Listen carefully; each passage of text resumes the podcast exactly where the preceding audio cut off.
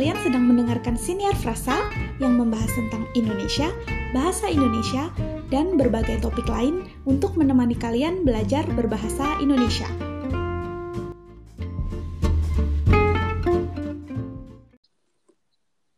Halo, apa kabar? Selamat datang di episode perdana Siniar Frasa. Seperti di penjelasan sebelumnya, kami akan menemani kalian untuk belajar dan mempraktikkan bahasa Indonesia dengan berdiskusi bersama. Selain diskusi, kami juga akan membahas ungkapan sehari-hari, memberi rekomendasi lagu, buku, dan lain-lain, dan juga akan menjawab pertanyaan kalian tentang bahasa Indonesia.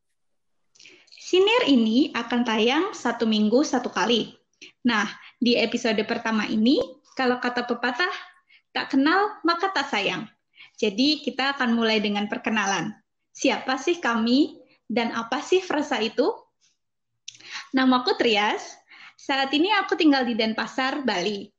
Aku bekerja di industri pariwisata.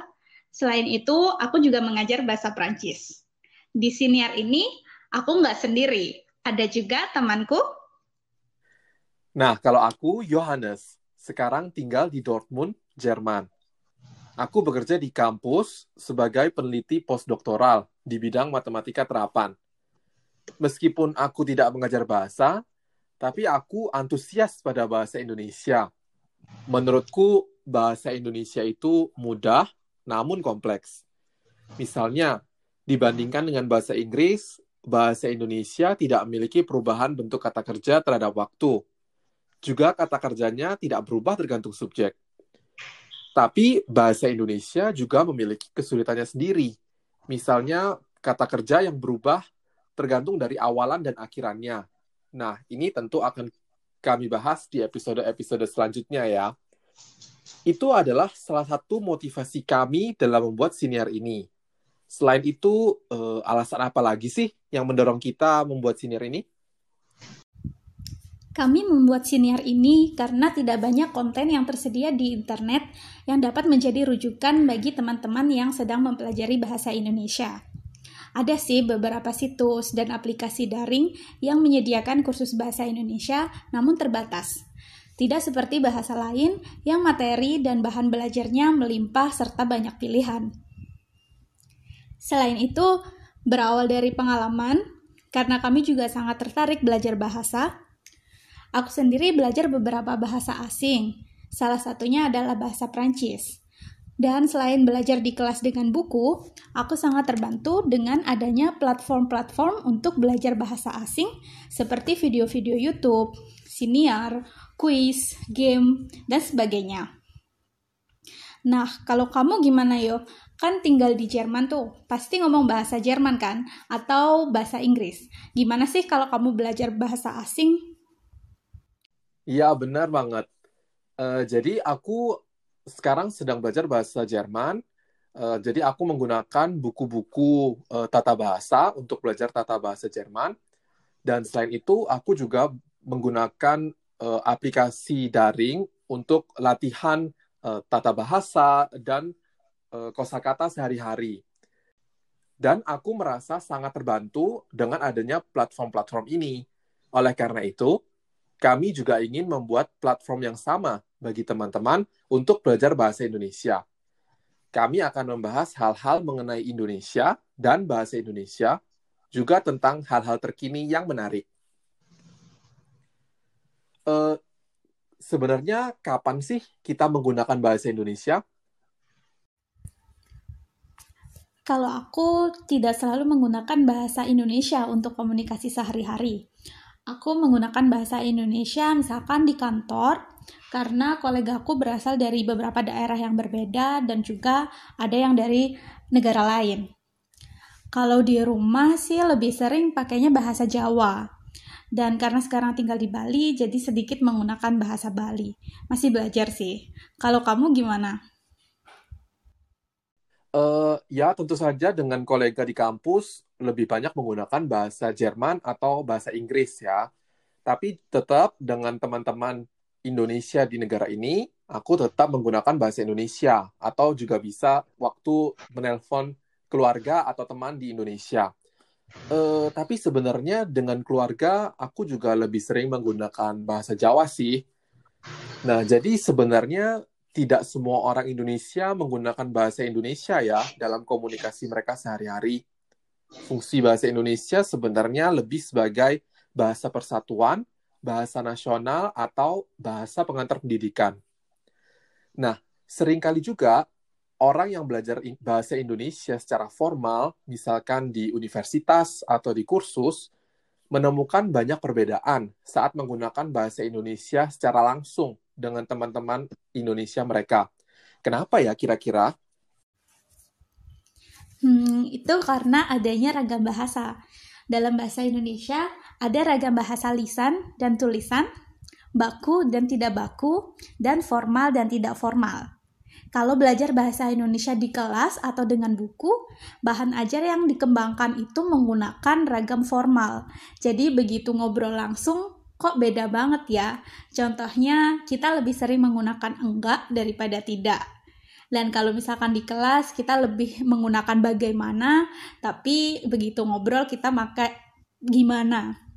Nah, untuk itu supaya tahu kapan kita berbicara formal atau tidak, uh, belajar juga perlu dengan sumber lain. Contohnya dengan nonton film atau dengan mendengarkan siniar Indonesia seperti frasa ini. Nah, kalau uh, alasan belajar bahasa Indonesia, kenapa sih uh, perlu belajar bahasa Indonesia? Nah, teman-teman mungkin ada yang belum tahu, Indonesia itu negara dengan populasi terbesar keempat di dunia loh. Jadi, bahasa Indonesia juga termasuk dalam 10 bahasa dengan penutur terbanyak, baik di Indonesia atau di negara lain. Diaspora Indonesia ada di seluruh dunia. Selain itu, secara tata bahasa, bahasa Indonesia mudah dipelajari karena struktur kalimatnya yang sama dengan bahasa Roman. Kata-kata serapan dalam bahasa Indonesia juga sangat banyak. Misalkan, kata serapan dari bahasa Belanda seperti kantor, pabrik, kamar. Dari bahasa Prancis, misalnya piknik, atau dari bahasa Inggris seperti komputer. Selain itu, bahasa Indonesia menggunakan aksara Latin, berbeda dengan bahasa Asia pada umumnya, yang mempunyai aksaranya sendiri, sehingga relatif lebih mudah untuk dipelajari.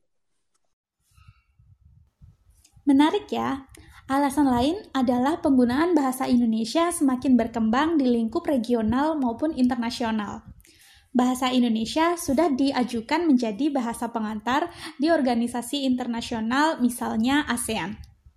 Walaupun masih sering sih kita dengar pertanyaan seperti Indonesia itu di mana? Atau oh Bali itu di Indonesia. Rasanya gemas kan dan ingin pertanyaan-pertanyaan seperti itu tidak muncul lagi. Salah satu cara yang dilakukan oleh pemerintah Indonesia adalah dengan adanya program BIPA atau Bahasa Indonesia untuk Penutur Asing. Program ini sebagai acuan dalam belajar bahasa Indonesia. Seperti bahasa asing lainnya, program BIPA juga memiliki tingkatan pelajar dari pemula hingga mahir. Nah, oleh karena itu, pemerintah Indonesia sedang gencar nih mempromosikan pembelajaran bahasa Indonesia bagi penutur bahasa asing. Dari program pemerintah ini, bahasa Indonesia sekarang bisa dipelajari di banyak negara, misalkan di Kedutaan Besar Republik Indonesia. Teman-teman bisa nih melihat situs KBRI di negara teman-teman. Mungkin ada kursus bahasa Indonesia yang kemungkinan besar gratis yang bisa teman-teman ikuti. Selain itu, ada juga banyak sekolah, universitas, misalkan di Australia, Asia, maupun Eropa, yang memiliki mata kuliah atau bahkan jurusan bahasa Indonesia. Untuk mendukung program BIPA tersebut dan kerjasama dengan instansi pendidikan di negara-negara lain, Badan Pengembangan dan Pembinaan Bahasa, Kementerian Pendidikan dan Kebudayaan setiap tahunnya mengadakan seleksi pengajar BIPA yang akan dikirimkan ke lebih dari 20 negara. Jadi teman-teman bisa belajar dengan penutur asli. Benar. Atau bisa juga ya, mungkin ada teman-teman yang ingin lebih uh, punya jiwa petualang lebih tinggi gitu. Mereka ingin langsung belajar di Indonesia misalkan. Itu bisa banget, karena biaya pendidikan dan biaya hidup di Indonesia tidak mahal. Selain itu, ada banyak tempat kursus bahasa. Uh, kalau misalnya mau mencari beasiswa, ada nggak sih pemerintah Indonesia uh, menyediakan beasiswa nggak untuk uh, orang asing belajar di Indonesia? Ada dong. Yang pertama, ada beasiswa kemitraan negara berkembang yang lebih dikenal dengan nama Developing Countries Partnership Scholarship.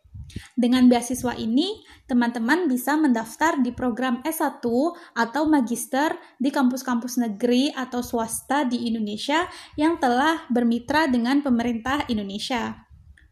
Yang kedua ada beasiswa Dharma Siswa, yaitu beasiswa satu tahun untuk teman-teman yang ingin belajar bahasa Indonesia atau kesenian tradisional Indonesia. Selanjutnya, ada beasiswa seni dan budaya Indonesia atau Indonesian Arts and Culture Scholarship untuk belajar kesenian Indonesia.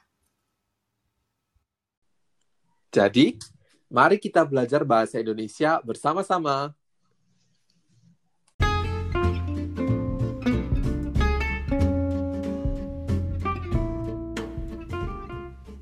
Ungkapan minggu ini.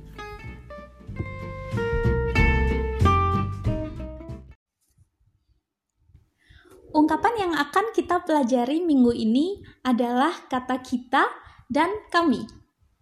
Bahasa asing lain seperti bahasa Inggris atau bahasa Prancis tidak membedakan dua kata ganti orang pertama jamak ini.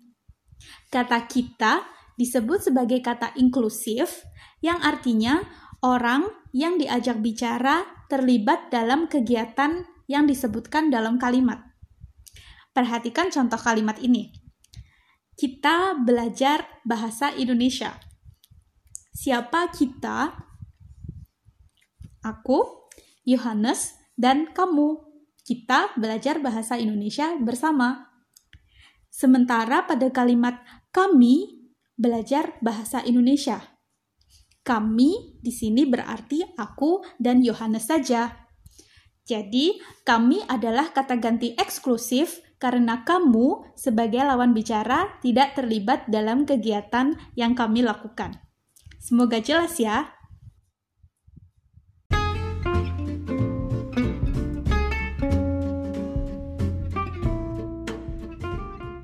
Rekomendasi minggu ini.